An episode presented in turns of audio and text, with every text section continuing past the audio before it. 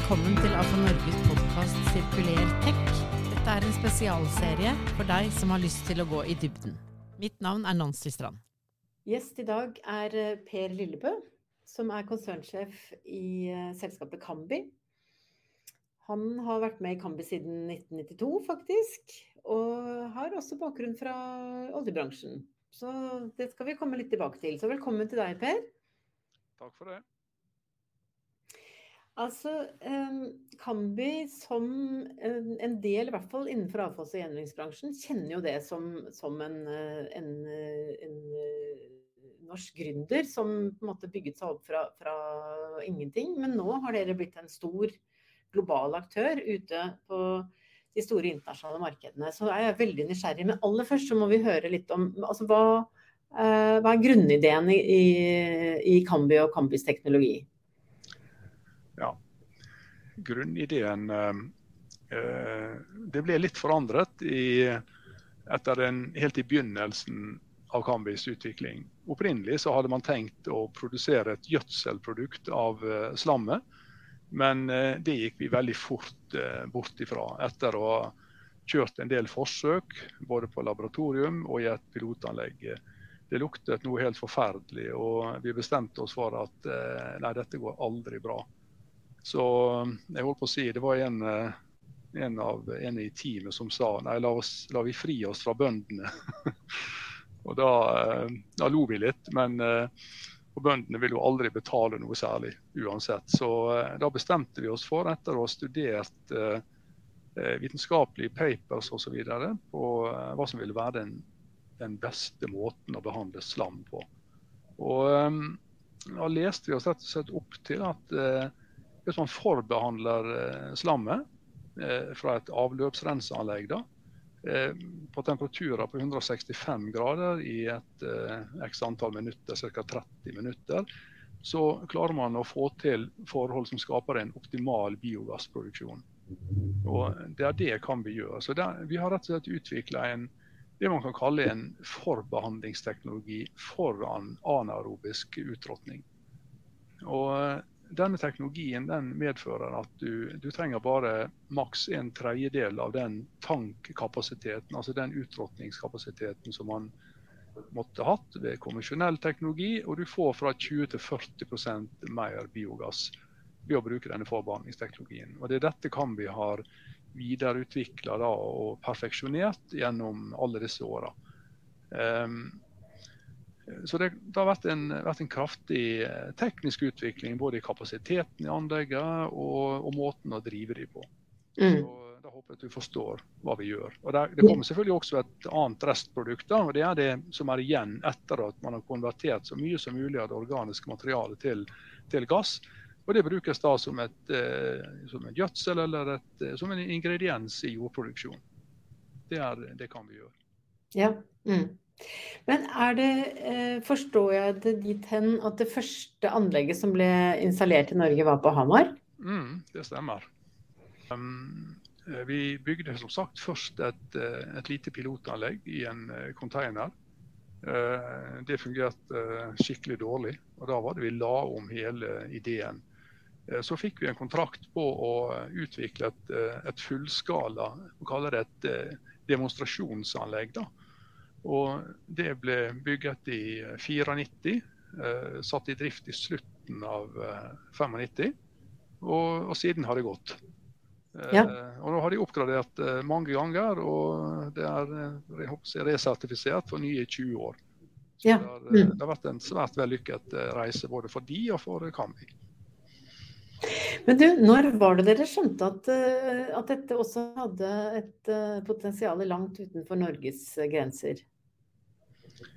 Ja, altså vi, vi, vi forsto det. Altså når du, du ser på den, den, verdien man får ved å sette denne forbehandlingen foran disse råtne tankene, så er det Man kaller det disruptive på engelsk. Altså det er, det er en veldig stor eh, veldig kraftig driver. Du får noen veldig, veldig påtagelige fordeler.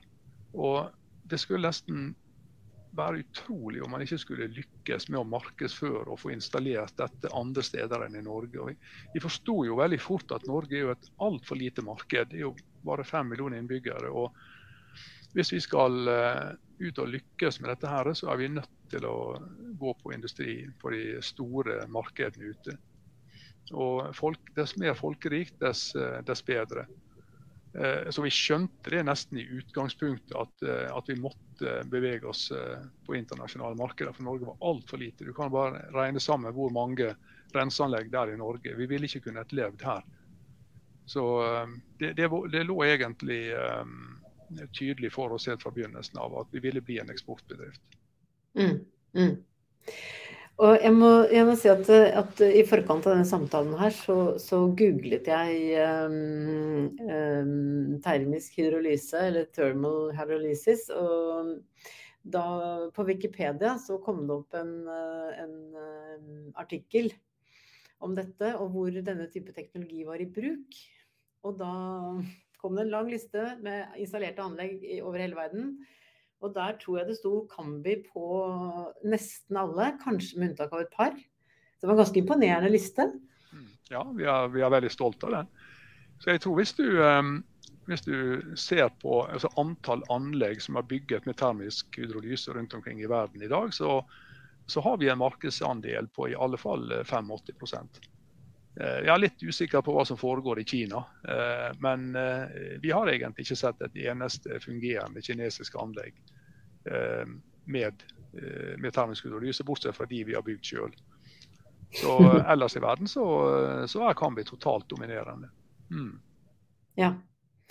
Og den, altså den, veien dit, da. Den, den, no, altså når man ser tilbake, så ser det jo veldig lett og fint ut. Men jeg går ut ifra at uh, disse årene, da, fra, fra 92 og til nå, som det, det har Det har vært noen veikryss der, som du sa til meg, som det er ikke gitt at man velger rett? Nei, absolutt ikke. altså. Og eh, jeg må si at i de første, eh, i de første årene så tenkte jeg veldig mye at eh, vi hadde hatt flaks som hadde klart oss over hodet.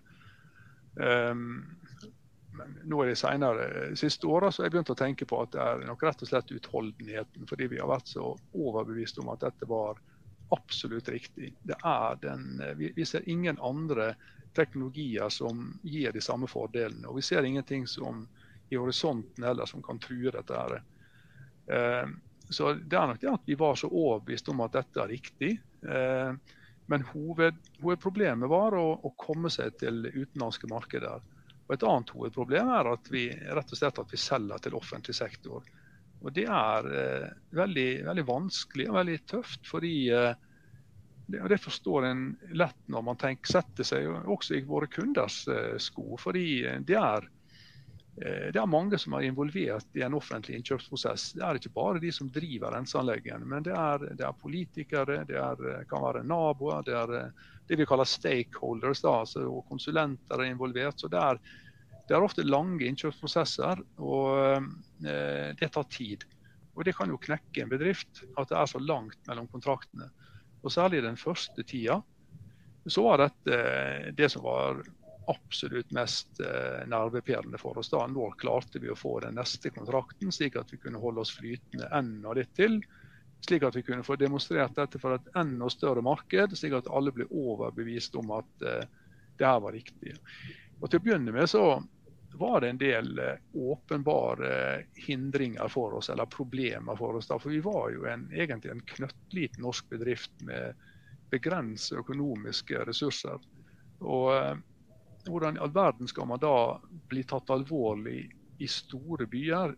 Fordi dette vil jo være en del av kritisk infrastruktur.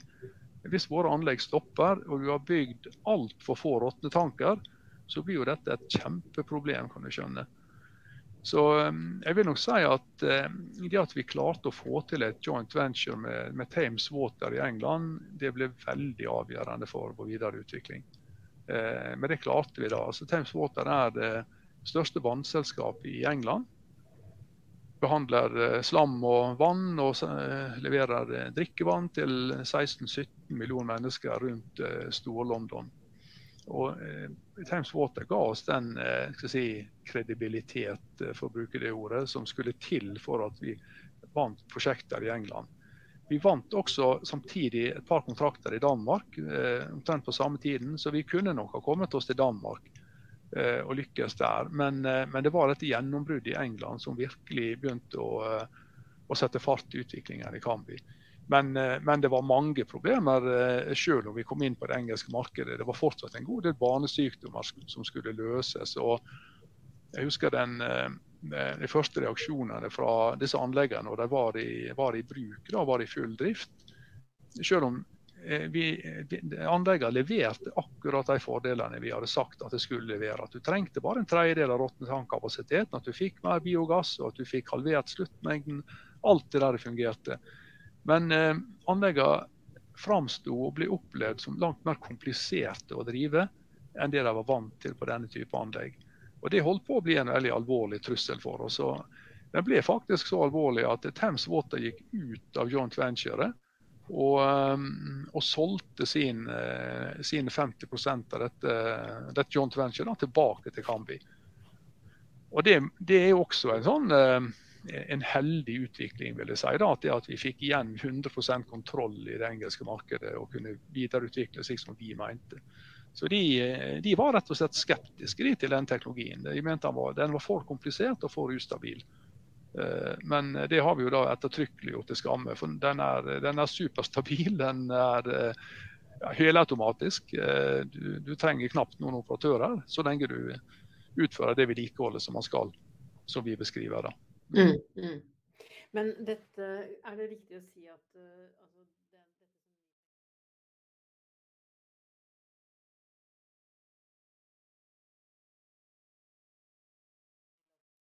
man trengte innenfor, eh, innenfor denne type løsninger? Ja, det, det, er riktig å si det, altså. Men du kan si, sånn som jeg har hørt fra HIAS, altså der Hedmarken interkommunale avløpsselskap, altså det at disse anleggene etter hvert nesten ser ut som et uh, avansert prosesskjemisk anlegg. For det er prosessteknologi, dette her. Det gjorde også at uh, det ble lettere å rekruttere si, eh, velskolerte og dyktige medarbeidere. Det ble rett og slett mer prestisjefylt å arbeide på disse anleggene. For hvis du, hvis du ser et, eh, et slambehandlingsanlegg med Kambi-anlegg foran i dag, så kunne det nesten se ut som et oljeraffineri. Alt foregår inni tankene. Uh, men det krevde en annen type utdannelse, opplæring og trening da, for å kunne drive denne type anlegg. Men når du først forstår det, så vil man forstå at dette er like effektivt. Det er, det er ikke og enkelt å drive som, et, uh, som, et, som annen prosessindustri. Det, det, er ikke mange operatører å se på, en, på et prosessindustrianlegg. Bortsett fra de som driver med vedlikehold og de som sitter i kontrollrommet og passer på at prosessene går som de skal. Og slik er det på Kambi-anlegget også. Mm. Mm. Så, så den, den, den, tålmodigheten, da, går det an å liksom, Har du et eksempel sånn, på hvor lang tid tar det egentlig fra man eh, er i kontakt med kunden første gang, til eh, man kan signere en kontrakt? Ja, der er det, er det mange groteske eksempler, holdt jeg på å si. Det er eh, vi pleier vanligvis å si at eh, det er from contact to contract, så er det gjennomsnittlig fem år. Og eh, det, det er egentlig her våre våre største kostnader ligger. Det, det er rett og slett i å markedsføre og forklare dette her for, eh, for kundene våre rundt omkring i verden. Eh, Toppeksempelet er vel en, eh, en, større by, jeg skal ikke si hvilken, i verden. Hvor eh, jeg tror vi har holdt på i over 20 år altså, på å forklare. De, de skal ha vår teknologi, og den kontrakten kommer før eller senere. Sånn ser det ut. Men vi har altså vært i kontakt med dem over, i over 20 år. Eh, veldig mange eksempler på eh, at dette har tatt ti år. Eh, og det er fordi forholdene kanskje ikke ligger til rette. De, de, trenger å forstå den, de må bli helt trygge på den osv. Og, og så er det dette med at det er veldig mange stakeholdere som vi som man snakker om. Da. Det er så mange involvert i prosessen. Men mm. jeg, jeg syns det er verdt å merke seg at eh, hvis du ser på den lista på 76 byer i verden i dag som har Kambi-anlegg installert, så er det et forbausende stort antall veldig store byer. Og selvfølgelig en del mindre byer også, normalstørrelsebyer fra et par, par hundre tusen oppover. Men mange av verdens hovedsteder eh, har faktisk Kambi-anlegg installert. Og vi, vi, pleier å si det at dess mer si, kompetente de var, dess større sannsynlighet hadde vi for suksess. Altså, mm. eh, og Det er ofte i hovedstedene du finner de som eh, har forutsetninger for å sette seg inn i teknologien og bli trygg på at den vil levere det den skal. Så det er en forutsetning for. Men det, sånn er det. Mm. Altså, dere har grunn til å være litt stolte, da? Ja, vi er det. Og du, du nevnte dette med um, utholdenheten har vært veldig viktig. og dette, Vi har vært så fast overbevist om at dette har vært riktig. Det er riktig løsning, det er riktig teknologi. Vi ser ingenting som truer dette og som gir bedre løsninger. Så vi, vi har hatt uh, si, viljen til å holde ut, men vi har også hatt evnen. Og Det har jeg ofte tenkt på at det er faktisk et litt viktig skille. Jeg tror veldig mange nok har viljen til å holde ut. Altså, Iallfall gründere de, de, liker ikke å gi seg, og de, de, står på to the bitter end. Men, men, evnen det er jo av ofte kapital. ikke sant? Du går tom for penger, og da må du bare strekke hendene i været og gi seg. Og det der det er jo noe som jeg er veldig stolt over at vi har klart å navigere i. da. Eh, fordi vi hele tida passa på at kostnadsnivået vårt var forsvarlig, og at det var tilpassa de utsiktene til å eh, vinne neste kontrakt. At vi skulle holde ut til vi fikk neste kontrakt, og at ikke vi bare satte i gang og bygde anlegg over en lav sko. Eh, slik at vi på en måte måtte rette opp barnesykdommer på mange anlegg samtidig. Det så jeg har jeg sett andre eksempler på selskaper som har gått dukken. Da, fordi de har, de har, vært så overbevist om at teknologien fungerte. Og så bygde de to-tre anlegg i parallell, og det var barnesykdommer over en lav sko. Den feilen kan vi faktisk unnlatt å gjøre. Og vi har tatt inn som en del av lærdommen vår når vi utvikler ny teknologi også, at ikke la vi multiplisere feil av dere. La vi eh, og passe på at vi har alltid nok likviditet. Og det er det som gjorde at vi klarte oss over de ulike kneikene. Altså vi hadde både viljen og vi hadde også evnen, fordi vi hadde den kapitalen som skulle til. Mm. Ja. Mm. Men har dere hatt eksterne eiere inne, eller har dere vært deres egne eiere? Um, vi har hatt eksterne eiere inne. Vi gjorde en første kapitalemisjon i uh, 96, var det vel, 697. Eh, da fikk vi inn eh, noe ekstra kapital, en 20 eh, millioner kroner tror jeg det var cirka. Og det pluss det vi hadde opprinnelig. Og, og det holdt eh, over eh, si the Valley of Death, eller som man ofte snakker om på, på, den type selskaper som utvikler seg. da. Det var i, vel i 2004 jeg tror vi liksom hadde den vanskeligste tida. Men de pengene de holdt. og det var fordi når vi gjorde nye kontrakter, så passet vi på at vi alltid hadde nok dekningsbidrag som jeg kaller det, for å kunne holde ut til neste, neste kontrakt. Men det har tatt tid. Absolutt. Mm. Men det er en interessant ting her, syns jeg. Fordi det er jo utviklingen av, av måte, tenkningen rundt sirkulær økonomi. Og fordi at dette er jo en teknologi og en løsning som har i seg, jeg håper å si helt fra starten av, en sånn type ressursutnyttelsestankegang. Da. Mm. Men dere har vel også gått videre i, i, retning av en sånn type At dette også er en del av en sirkulær modell? Som dere kjøpte opp eh, det som vel nå heter Grønn vekst, f.eks.? Altså... Absolutt, ja. Ikke sant. Ja, det der eh, det der var en veldig riktig eh, eh, strategisk beslutning av oss. fordi eh, selv om foreløpig så er det kun i Norge grønn vekst har aktivitet. Men eh, det er veldig enkelt å forklare, for de tar rett og slett over der Kambi slutter. Kambi slutter jo når du sier etter avvanning, etter utråtning, så avvanner man det som det utråtna slammet. Eh, og får det opp i et tørststoffinnhold på en eh, drøyt 30% og Det blir jo da brukt enten som et jordforbedringsmiddel eller som et gjødsel.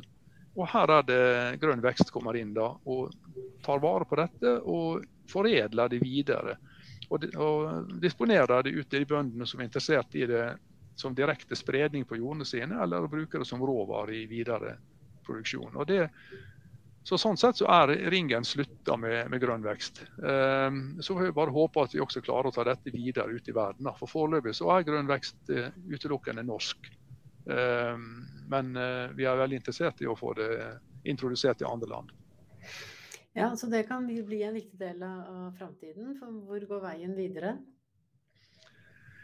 Altså, veien videre den går jo ved å fortsatt å drive det som vi, det som vi gjør. Altså Forretningsmodellen til Kambi er jo at vi, vi bygger disse forbehandlingsanleggene. Vi har en, en, et verksted, en fabrikk i England som bygger dem.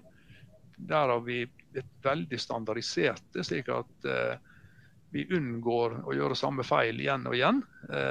så alt går ut standardisert. Vi bygger opp disse anleggene på en ja, fire dager blir de montert. Kommer ut i containerstørrelser og blir heist på plass. Eh, så det å fortsette å drive det, det teknologisalget, det er, eh, det er, helt sentralt for Kambi. Og det er det som betaler lønningene våre, som jeg sier. Um, og vi har, vi har, identifisert i de markedene vi er aktive, at det finnes 3000 kunder som ville hatt stor fordel av å installere Kambi. Vi er i kommunikasjon med nesten 300 kunder nå eh, som har bedt om pristilbud eller som har bedt om eh, prisindikasjon eh, av en eller annen grunn. Så ca. 10% av den totale kundemassen som vi ser som potensial i Kambi, det er vi i kommunikasjon med. Det høres jo ut som et forferdelig høyt antall, og det, er det. Men vi er nødt til å være i kommunikasjon med veldig mange, fordi innkjøpsprosessen tar så enormt lang tid. Men en, et videre utvikling eh, i Kambi det er at vi ønsker å satse på å både drive og potensielt eie anlegg på egen hånd. Det var derfor Kambi ble børsnotert i, uh, i, begynnelsen av dette året. her. Vi henta inn kapital for å kunne stå i en sterkere posisjon. Både for, både for, å kunne ekspandere grønn vekst til utlandet, men aller mest for å kunne ta eierandeler i, uh, i anlegg der hvor det er aktuelt med det man kaller PPP, eller Public Private Partnerships. Um, vi tror at, det blir, at dette er en, um, en, forretningsmodell som kommer til å vokse i tida framover. Um, for de som måtte ønske det. Vi skal ikke prakke dette på noen kunder, men for de som syns at dette er fordelaktig og interessant, så er vi svært interessert i det. Og jeg, jeg synes Hovedgrunnen til at hvis jeg skal forklare hvorfor jeg synes dette er, virker veldig en logisk utvikling, det er at slambehandling begynner etter hvert å bli så teknisk krevende. Eh, det er så mange prosesser etter hverandre som skal spille i lag, at det er nesten vanskelig å tenke seg at en utrent kommune skal kunne klare å drive dette på en, veldig effektiv måte. I alle fall vil det være veldig fornuftig av private og en kommune å samarbeide. For det er jo det er mange prosesser som skal fungere sammen. og Det, det tror vi at ekspertene er bedre å få til enn en kommune på egen hånd. Mm, ja. Men det er jo noe veldig spennende med dette, syns jeg. Fordi kan, kan, man liksom se for seg at uh, som du sier, altså dette er et uh, forbehandlingsanlegg. Men det som skjer på, på si, før du kommer så langt, da. Altså at uh, hele, hele, koblingen mellom, mellom, kommunens eller byens eller, eller ja, områdets si, håndtering av vann fra overflatevann til gråvann. Altså at hele liksom, den ressursen som avløpsvannet Jeg så du brukte sitat fra, fra UN Water i en av presentasjonene dine. Altså at dette er jo en ressurs for lokalsamfunnene eh, som man kanskje eh, slipper bokstavelig talt fra seg altfor lett. Ja. Så liksom, hvordan, hvilken rolle ser du for deg at Kambi kunne spille i utviklingen av virkelig sirkulærøkonomi, hvor verdiskapningen og utnyttelsen av ressursene skjer mye tidligere i prosessen? da? Mm. Ja, det, der er, det der er superinteressant. Og eh, vi ser jo at eh, i den, den omlegginga som vi har nå, altså hvor, eh, hvor, hvor, det begynner å bli et mål for uh, veldig mange vannselskaper, altså vi snakker både om vann og avløp, at de ønsker å bli karbonnøytrale. Um, det er litt interessant å merke seg at eh, kineserne ligger faktisk veldig langt framme her. og Et av anleggene vi har bygd i Beijing, det aller største, Gaoantun, de har som mål å bli karbonnøytrale allerede i, i 2025. Eh, det skal bli veldig interessant å se om de klarer det. Og de har da et, eh, installert et Kambi-anlegg. Altså, den største ressursen for å oppnå altså karbonnøytralitet, det er jo slammet. Eh, og den energiressursene, den energiverdien som finnes i slammet. og det er veldig mange vannselskaper som, som er veldig store forbrukere av energi, særlig elektrisk energi. Og Hvordan de skal klare å bli karbonnøytrale uten å utnytte slammet fullt ut, det er vanskelig å se. I så fall må man til med solceller, og det vil jeg helt sikkert komme til å gjøre. Og effektivisere driften sin, få ned energiforbruket så mye som overhodet mulig. Men at, men at vannbransjen skal komme til å spille også en viktig rolle. Altså Alle sektorene i samfunnet må bidra for å få ned karbonfotavtrykket vårt. Og vannbransjen må også gjøre det. Så noe må skje. Det må bli en sense of urgency også i denne bransjen. her. Foreløpig så ser vi lite av det.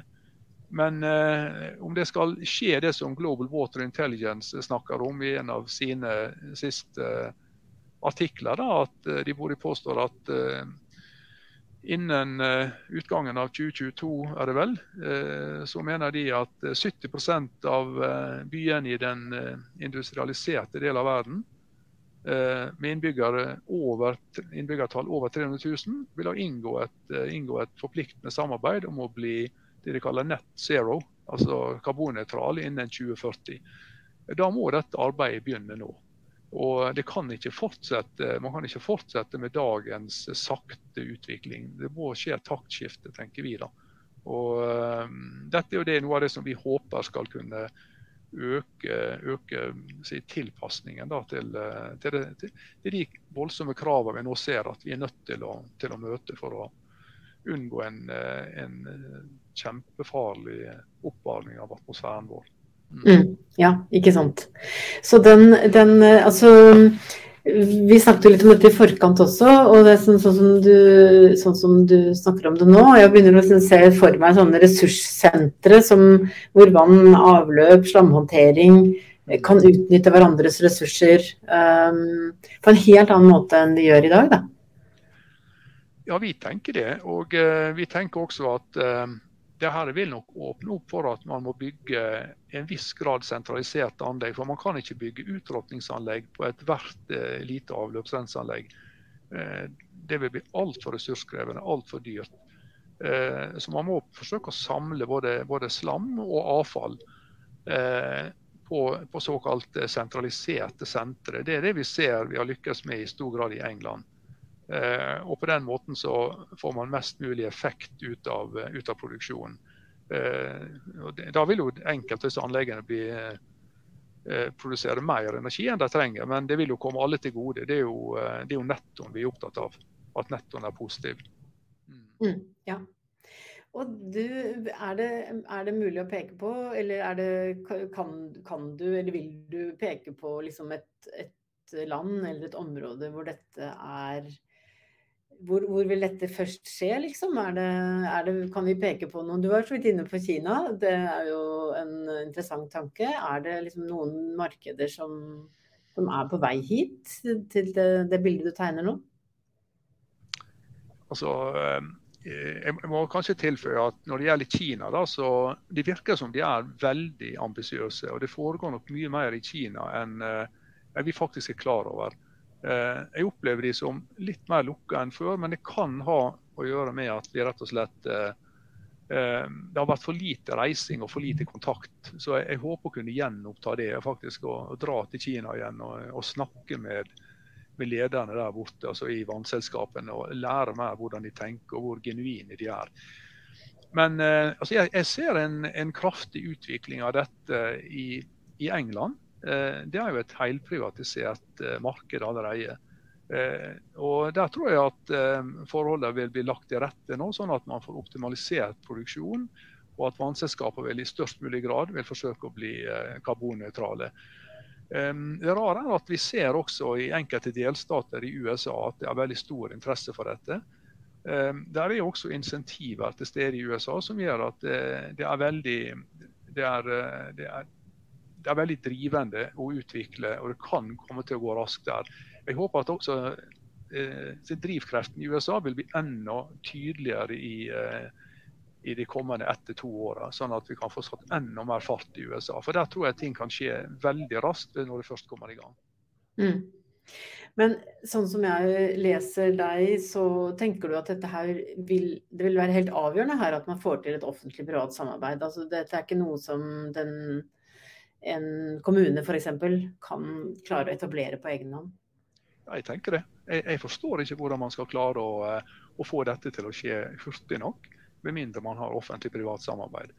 Og jeg tenker at det her må være langt mindre politisk følsomt og problematisk enn en privatisering av andre sektorer i samfunnet som omsorg, utdanning osv. Sykehus og, og alle disse andre mer, litt mer politiserte områdene. For dette er jo veldig spesialisert, og, og, du må være ekspert for å kunne utnytte og drive dette på en effektiv måte. Men samarbeid mellom offentlige og private er en fantastisk måte å, å speede opp og få virkelig fortgang i dette på. Mm.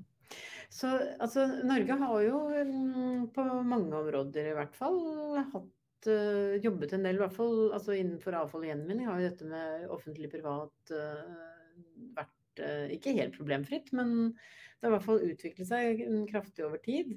Så kan, hvilken rolle kan den norske bransjen, og hvis vi ser liksom vann, avløp, renovasjon, avfall og gjenvinning som på en måte et cluster her, da, som, mm. som kunne drive denne utviklingen framover sammen?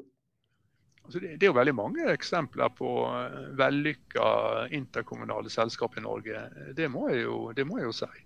Og eh, jeg syns også at eh, norske operatører jevnt over på anleggene er veldig bra. Det ser jeg i hele Skandinavia, egentlig. De kommunale anleggene drives med høy standard. Jeg tror likevel at det, det kunne være veldig nyttig at man fikk inn eh, privat i, eh, i enda større grad enn man gjør i dag. Eh, vi, vi, trenger å måle oss mot hverandre, rett og slett. Altså, det inspirerer til, til, videre forbedring. Altså, hvis man fikk noen som var, si, satte standarden, altså hvor, hvor karbonnøytrale Hvor hurtig er det mulig å bli karbonnøytral? Hvor energiuavhengig kan man bli på et vannselskap f.eks.? Jeg tror det blir, Vi skulle ønske at at det var enda mer eh, eh, Få på plass mer konkurranse rett og slett, mellom eh, både interkommunale selskaper og private. Og se hvor langt vi kan komme hurtigst mulig i en, i en sånn utvikling som jeg vet alle ønsker. Mm, ja. Så hvis du sånn avslutningsvis nå skulle si liksom, hva er din drømmeutspill fra den, den, nye regjeringen på dette området her? Den, vi er jo midt i en grønn omstilling så, som jo um, vi håper skal skyte fart. Eh, med litt mer sense of urgency, som du var inne på i stad. Så hva, liksom, hva, vil være drømmebudskapet nå fra den nye regjeringen vi får? Ja. Altså, eh, det, det, det, må være klare det må være klare drivere på plass eh, for fornybar energi. Eh, for det er ikke sånn at vi klarer å utkonkurrere olje som man pumper opp fra, opp fra Nordsjøen. Eh, så må, man må ha insentiver inntil vi blir enda mer effektive. Og Det ser en jo, hvordan vindkraften har blitt utvikla og solenergien har blitt utvikla. Det samme gjelder for, eh, for biogass. Eh, og så tror jeg at, at man blir man vil aldri, jeg tror Vi vil slite med å nå klimamålene hvis ikke man klarer å få engasjert privat næringsliv sammen med det offentlige det blir veldig vanskelig å, å, å, lykkes med det. og Det håper jeg at den nye regjeringa også vil, eh, vil innse og, og, omfavne på en positiv måte. Eh, jeg tenker også Det tredje er at en må se på de offentlige innkjøpssystemene. De har blitt veldig sendrektige og tar enormt mye ressurser. Det går for sakte, så det må skje et taktskifte der også. Eh, at man arbeider med, eh, med, måten det offentlige og det kommunale gjør innkjøp på. Eh, det er, det, er så, det er, så, krevende at jeg kan tenke meg at mange kommuner nesten kvier seg for å gå i gang med prosessen. Det er veldig mange konsulenter og stakeholdere involvert, som sagt. og dette skulle jeg ønske at man må, dette må man se på en gang til. Altså. Mm.